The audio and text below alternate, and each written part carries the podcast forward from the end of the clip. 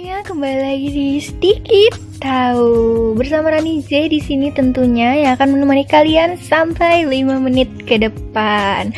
Wah, nggak terasa ya ternyata kita udah di episode ketiga nih hari ini teman-teman. Padahal baru kemarin ya kayaknya kita ketemu di episode perdana. Oke, jadi hari ini aku pengen menghadirkan sebuah topik yang menarik tentunya bagi kita semua karena sangat relatable. Iya, apa sih kira-kira? Yaitu bagaimana caranya kita memulai sebuah hubungan yang sehat. Karena banyak banget nih di antara kita atau teman-teman kita yang sedang terjerat dalam toxic relationship. Hmm, Nah, salah satu yang bisa kita lakukan untuk membentengi diri dari toxic relationship adalah ketika pertama kali kita akan memulai sebuah hubungan baru dengan seseorang yang baru, kita harus memastikan bahwa kita satu visi dan misi dengan orang tersebut, sehingga di kemudian hari tidak akan ada perbedaan pikiran-pikiran yang membuat hubungan ini kemudian menjadi toxic. Jadi, teman-teman, biasanya toxic relationship itu berawal dari password akun media sosial yang saling ditukar. Kamu tukaran password gitu sama pasanganmu. Dia tahu password Instagrammu, kamu tahu password Instagramnya, kayak gitu kayak gitu tuh. Itu awal mula toxic banget tuh. Kenapa kamu harus selalu tahu sih password akun sosial medianya pacarmu atau pasanganmu? Kenapa kamu nggak bisa percaya sama dia secara sepenuhnya? Kalau kamu nggak bisa percaya sama dia, Kenapa kamu harus menjalin hubungan dengan dia? Kita semua tentu punya privacy dong, teman-teman. Begitupun pasangan kalian, jadi jangan pernah memblokir interaksi mereka dari teman lawan jenisnya. Selama interaksi tersebut tidak negatif dalam arti yang merugikan kamu, itu nggak ada masalahnya misalnya mereka berinteraksi untuk membahas pekerjaan atau kuliah, it's fine gitu. Itu bukan sesuatu yang harus kamu permasalahkan. Iya, oke, okay, aku paham. Setiap manusia pasti punya rasa yang namanya cemburu. Tapi teman-teman, hidup gak cuma tentang pasangan doang.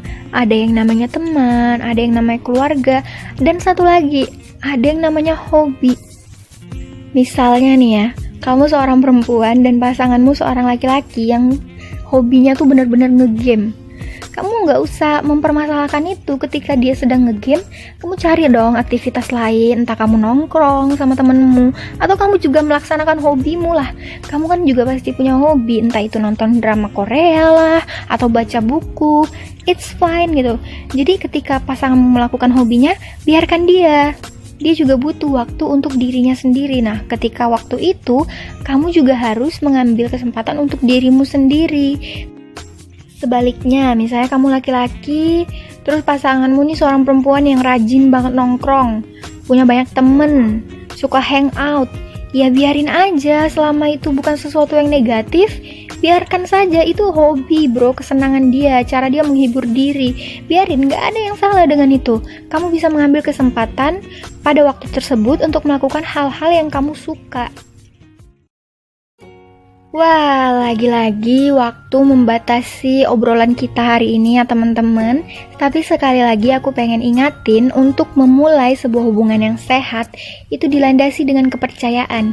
Jadi nggak perlu yang namanya tukeran-tukeran password sosmed Gak perlu membatasi interaksi pasanganmu dengan teman lawan jenisnya dan juga gak perlu menghalang-halangi pasanganmu melaksanakan hobinya karena kamu juga tentu punya hobi yang gak mau dihalang-halangi oleh pasanganmu kan?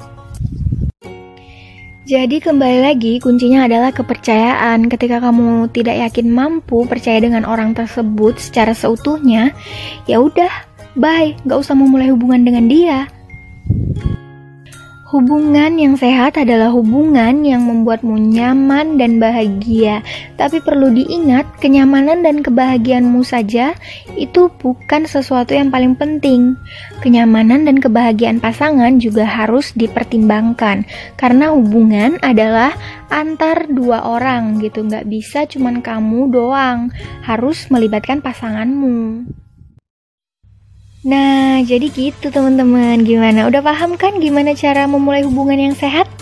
Oke, kalau gitu kita ketemu di episode selanjutnya ya teman-teman. Terima kasih untuk semua yang masih di sini sampai menit ini. Aku Rani Z pamit. Sampai ketemu di episode selanjutnya.